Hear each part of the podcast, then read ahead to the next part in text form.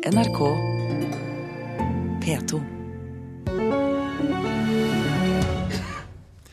Og da har vi kommet frem til eh, ukens utgave av Kulturnytts fredagspanel, og ønsker velkommen Anna B. Jensen i Morgenbladet, Hege Duckert, kulturredaktør her i NRK, og Vidar Kvalshaug, som vel strengt tatt ikke har noen tittel lenger, skal vi si forfatter?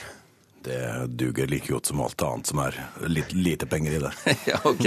Jeg skal selvfølgelig ikke helt avsløre hvorfor, eh, men du har bestilt lyden av en champagnekork i dag. Føler du at du har noe å feire? I dag har vi det. I dag har, I dag har vi det. I dag har vi det, ok. Vi eh, skal feire i tredje spørsmålet, men vi begynner med det første, som man jo så ofte gjør. Politimann Eirik Jensens selvbiografi kommer mens han fortsatt er siktet eh, i en korrupsjonssak. Spørsmålet vårt er er det fare for at boken vil påvirke utfallet av en eventuell rettssak? Nei. Ja. Nei. Hvorfor eh, sier du ja, Jensen? Fordi jeg tenkte at de andre kom til å si nei. nei, altså um, Jeg tror ikke Alltid i opposisjon. jeg tror ikke denne boka er, eh, skader denne prosessen, fordi den er veldig offentlig og går for mediene, mer eller mindre. Men jeg mener jo rent prinsipielt at det er litt problematisk at mediene blir en sånn type hurtigjobbende domstol. Da. Nå er han bare siktet, han er ikke tiltalt engang. Og at eh, folk som er involvert i store eh, kriminalsaker, blir liksom kjendiser. Jeg, jeg bare, det, det, må man jo bare av og til tenke at ikke er helt riktig. Nå var jo Gjest Bårdsen også en kjendis allerede i sin tid, så, så vi får, eh, vi får si at det er nok en, en, ganske gammel tradisjon at forbrytere eventuelt, Jensen Han er, jeg skal ikke si skyld eller ikke skyldig. Eh, Uten sammenligning for øvrig? Får si. lov til å fortelle sin historie, og, og at mediene gjør ham kjent. Eh, nå har jo både forlaget og Erik Jensen vært veldig klare på at dette er ikke en forhåndsprosedering, og de har vel, så vidt jeg forstår, nesten ikke nevnt eh, saken i boka. Så dette handler altså om livet opp til siktelsen. Kanskje vi skal ta med at du har hatt med Kagge forlag å gjøre? Ja, men det er så lenge siden at Erik Eirik Jensen bare var en fyr som drev og deala med HA og andre gjenger på gata som ingen visste navnet på den gangen. Jo da, men vi, vi tar det med likevel. Hege Duckert. Ja, nei, Jeg er enig i det. fordi jeg tenker at det er noe med størrelsen på denne saken. Altså Uansett så er jo dette en kjempeskandale. Altså Hvis det er sånn at den eh, beste politispaneren er korrupt, så er det en enorm skandale at, at det ikke har vært oppdaget tidligere. Hvis det er sånn at han er uskyldig, så er det en enorm skandale hvordan han er blitt tenkt ut i tøyt og hvordan han er blitt behandlet. Sånn at det at han har behov for å fortelle eh, sin historie eh, i forhold til den enorme mediedekningen unnskyld, som har vært, det syns jeg ikke er så rart. Og jeg har også merket meg det at han i hvert fall sier at han ikke forhånds forhåndsprosederer, og at anmelderne sier at det lille som måtte være det, er den svakeste delen av boka. Eh, jeg for min del er jo mest interessert i det som sier noe om hvordan Oslo-politiet jobber. For det er jo noe vi hører veldig lite om. Og der kan man jo si at det er et samfunnsaspekt. At det å få vite noe mer om hvordan de arbeider, det kan være tjenlig for offentligheten. For denne boken, Anna B. Jensen, den var jo påtenkt lenge før han ble siktet for disse korrupsjonssakene? Ja. Og som sagt, jeg er helt enig i at denne saken er så stor at den bør omtales eh, i mediene. Det er, ikke, det er ingen tvil om det, altså. Og den boka har jo også en veldig god Eller hva skal jeg si, han har en, et godt politisk poeng i boka si. At eh, politiet sitter for mye bak eh, pultene sine og bør være mer ute med sko på. Eh, men, eh, og, og, han har også, sånn som jeg bare bladde litt i boka, det er liksom bare første og siste kapittel som handler litt om denne saken. Så, og han er jo i en enorm sånn eh, Påtalemyndigheten, eller Spesialenheten, lekker jo hele tiden på en måte hva de mener han har gjort. Så selvfølgelig må han svare da. Det er bare mer det at mediene blir en domstol. Jeg tenker at man og det har de vært. Har du lest Morgenbladet for 100 år siden, så kan du se. Da var vi helt ekstreme. Jeg har problemer med å lese Morgenbladet hver uke, så, så, om jeg ikke skal begynne på 100 år gamle og Morgenblader også. Ja, og vi skal jo ikke mer enn ett til to til tre år tilbake før vi hadde en voldsom forhåndsprosedering i beste sendetid i alle mediene, nemlig Rune Øygard, som satt der og imellom sakene eh, fra hovedforhandling til ankesak satt der og fordelte både skyld og sa at den og den og den. Sånn at eh, vi veit godt hva forhåndsprosedering er, og det Jensen bedriver, det er ikke i nærheten. Nei, og, og vi, vi, runder av det spørsmålet her og tar bare med at eh, vi kom i fare tidligere i sendingen for å si at Jensen var politimester. Det er åpenbart ikke feil. Han er politimann, politietterforsker. Vi går til neste spørsmål. Miljøvernforbundet ber Statens vegvesen om å stanse kunstverk langs de nasjonale turistveiene. Kunst griser til naturen, sa leder Kurt Oddekalv til Kulturnytt denne uken.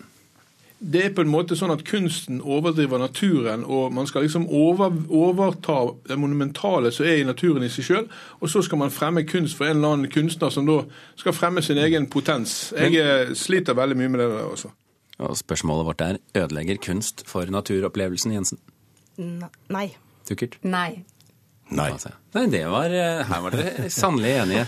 Ja, i den saken vi snakker om, det er jo fra, fra mine hjemtrakter, dette her. Det er altså Atlanterhavsveien som skal få i en, en, en orm av marmor i en veldig stor steinkommune i andre sida, på den feil sida av Atlanterhavsveien, der jeg ikke kommer fra, så skal det være, komme en stor orm. Og det er det, er det Oddekalv snakker om her. Og, det, han, ja, det er den eh, spesielt, og, og kunst generelt, det faktisk. Det. Og det han eh, ikke har sett der, er at kanskje natur ødelegger vel så mye for kunsten. fordi like ved så står det en utbrent buss i et grustak. Og det er veldig mye forfalne hus og hensatte biler rundt i norsk natur langs hovedveiene våre, som på en måte går i ett med naturen snart, og som kan være like skjemmende som et villet kunstverk. Så, så jeg forstår ikke helt hva han vil. Men det er vel heller ikke sånn at de fantastiske broene i Atlanterhavsveien bare steg opp av havet en dag og er ren natur. Nei, nei, så det er jo et område hvor man har kultivert, og hvor arkitekturen bidrar til den store opplevelsen. Så min sympati til Loddekalv, som sliter mye med dette, og har et, et, syn på kunst som eh, at det handler om å fremme kunstneres potens, var det ikke det han sa? Men eh, jeg tror jo at uh, ideen Ja, men jeg syns det er et eller annet sånn fantastisk med den der ideen vi ofte har i Norge om den uberørte naturen. Altså vi kjører bilene våre til utsiktsposter minutter, og så snur vi ryggen til bilen og ser på den uberørte naturen, og alt skal være uberørt. Men alt vi gjør, er jo kultur. Eh, og det å, å sette kunstverk ut i naturen, det er det jo lange tradisjoner for, og, og masse protester mot. Jeg tenker jo på, på Sola-stranda og på mm. alle de kontroversene som har vært rundt det, at folk ofte eh, syns det er fremmed og rart. Men jeg tenker at det er jo ikke kunsten i seg selv som er problemet her. Det handler noe om hva som passer inn i et landskap, og hvor nennsomt det er gjort. Ja, jeg er helt enig. Det er jo, Oddekalv er jo målbærer på en måte sånn type Eh, ja, kanskje norsk spesielt liksom sterkt sånn eh, motstand mot eh, kunst og kultur, nesten kulturhat, vil jeg si, altså når han eh, formulerer seg på den måten han gjør. Og eh, de turistveiene, nasjonale, det prosjektet, et fantastisk prosjekt hvor noen veier som kunne være stygge og kjedelige og ha kjedelige, stygge rasteplasser, har blitt liksom attraksjoner i seg selv. Da. Og de komplementerer jo bare den fantastiske naturen istedenfor. Det er jo ikke sånn at vi behøver å lage stygge ting i naturen bare for å vise fram at naturen er fin. Det er jo... Når det er sagt, så, så er det jo også slik at eh, det er jo en pågående kamp om å bevare uberørt natur. Og det å, å legge ut kunst sånn at stadig stadig flere mennesker trekkes ut i naturen, det er vel eh, kanskje heller ikke ønskelig, da?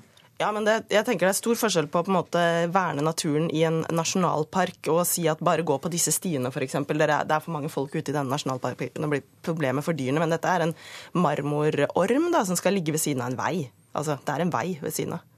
Ja. Det er vel kanskje heller et problem for den uberørte naturen enn den ormen. Er du for øvrig sikker Kvalsheim, på at den utbrente bussen ikke er et kunstverk? Det er jeg helt sikker på, for det, det, er en del utbrente busser og en del russebusser hensatt. og Det vil vi jo se nå etter hvert når russetida er over. så Vi ser dem overalt. og det, det, Jeg tror det vi som ikke er kunstfaglig sterke, setter igjen i såkalt uberørt natur, er et større problem enn det kunstnere og fylkeskommuner og utbyggere gjør. Vi går til neste spørsmål, og siste spørsmål. Norske museer bør få kvitte seg med gjenstander de ikke trenger det utspillet kom fra Frp med, her i Kulturnytt denne uken. Mens gamle hus forfaller, bruker norske museer plass og penger og tar vare på over 20 millioner gjenstander. Vi kan komme til å angre oss i morgen hvis vi selger uh, unna hus og ting. Er dere enig i det? Uh, nei. Mm, ja. Og her kommer champagnekorken. Der kom den. Jeg har eh, for første gang tenkt å markere at jeg er enig med Fremskrittspartiets politikk. Ja. Jeg syns det var verdt en liten trall på morgenen. Så mitt svar er også nei. Hva, eh, eh, altså Du er enig i, i, Fremskrittspartiet at man bør kvitte seg, kunne kvitte seg med museumsgjenstander. Ja. Hvorfor syns du det er en god idé? Dette med å kvitte seg med høres veldig brutalt ut, men la oss si at eh, museene får lov til å, i stedet for å være sånn, en mottakssentral for alt, de har vel en slags mottaksplikt som gjør at de fylles opp. De rekker ikke å registrere alt de har, og de har kanskje mange av hver enkelt gjenstand, eller om de har tre like stabbuer fra, fra samme årstall, det vet ikke jeg. Men eh, de, de fylles opp opp. Og de, eh, hvis museene får lov til å ha hånda på rattet med, en, med, et fornuftig utsalg og en fornuftig uh, røkting av sin samling, så tror jeg det er bare er av det gode. Jensen. Um, prinsippet bak et museum er jo at det skal spare på det de får. Og jeg tenker jo at eh, jeg syns eh, Frp er litt vel opportunistiske her. Har man liksom gitt for lave pengebevilgninger til norske museer i mange, mange år, sånn at de ja, ikke har tid til å registrere, ikke har de lagerplassen de Eh, de trenger. Og så nå da, så foreslår de å la oss selge unna. Og jeg er helt sikker på at eh, det er mulig å selge unna en del, eller kvitte seg med en del i norske museer. Det er ikke det. Men det er bare grunnen til at de må gjøre det, da, som jeg tenker er eh, litt Det er i overkant frekt, rett og slett. Så, det, det som mangler her, er rett og slett bevilgninger til større lagre, er det det du sier? Ja, altså hvis man vil at det, eh, Prinsippet bak et museum er jo bevaring. Det er jo det som er selve prinsippet bak museet. Og Eh, vel, eh, det er jo heller ikke sånn at man bare kan levere inn hva som helst til et museum. Det skal faktisk gjennom en kurator. Ja, og Det siste er jo viktig, for et prinsipp bak et museum er jo også utvalg. At det er en, en utvalgt del av vår, av vår, historie. Jeg tenker at dette er litt som med hukommelse og glemsel. At du må kunne glemme noe for å kunne huske noe annet. Eh, og du må kvitte deg med noe for å kunne bevare noe annet. Og veldig mange norske eh, kunstdebatter handler jo om hva man gjør med store donasjoner og samlinger, hvor den som har gitt bort kunstverkene er veldig fornærmet fordi de ikke blir utstilt, og hvor museene ikke vet sine armer råd. Så jeg tenker at det ligger vel også noe her med at museene må være tydelige tydelige på hva de har behov for. Eh, hva som er til fellesskapets gode, og hva som kanskje har kjempesterk betydning for noen, men ikke for samfunnet. Men når, når museene selv og museumsbransjen selv gir eh, signal om at de godt kan kvitte seg med en del ting. Og vi vet jo også samtidig at en rekke mennesker som har privat eh, samlinger av, av eh, kulturminner, gjerne vil få lov til å, ta det i bruk. Er ikke det en god idé å slippe opp litt på regimet? Jeg vil jo tenke at Det viktigste er at det kommer samfunnet til gode. altså At man først sørger for er det noen andre steder i offentligheten det kan brukes, før man går eh, så langt som å dele det ut til enkeltpersoner. Kvalsheim, har du endret syn? i... Ja, nei, nei, men det er veldig veldig klokt det du sier, og, og spesielt det Jensen sier her med, med, med grunnen til at Frp vil dette. her, Den kan jo være litt rann. Vi kan jo godt tenke oss at hun har rett i det. Men eh, jeg tenker at eh, det, det, skader ikke å røkte samlinger, og vi har jo vært veldig flinke her i landet til å ta vare på en del ting. Eh, og hvis museene sjøl får gjøre dette her, i samråd med myndighetene, så, så går dette greit.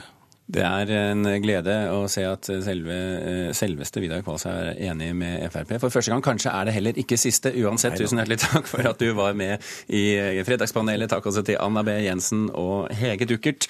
Eh, vi eh, runder av Kulturnytt med dette. Vi bare minner om at Fredagspanelet kan du få på podkast hvis du er av den typen. nrk.no podkast gjør du for å få tak i det. Hør flere podkaster på nrk.no podkast.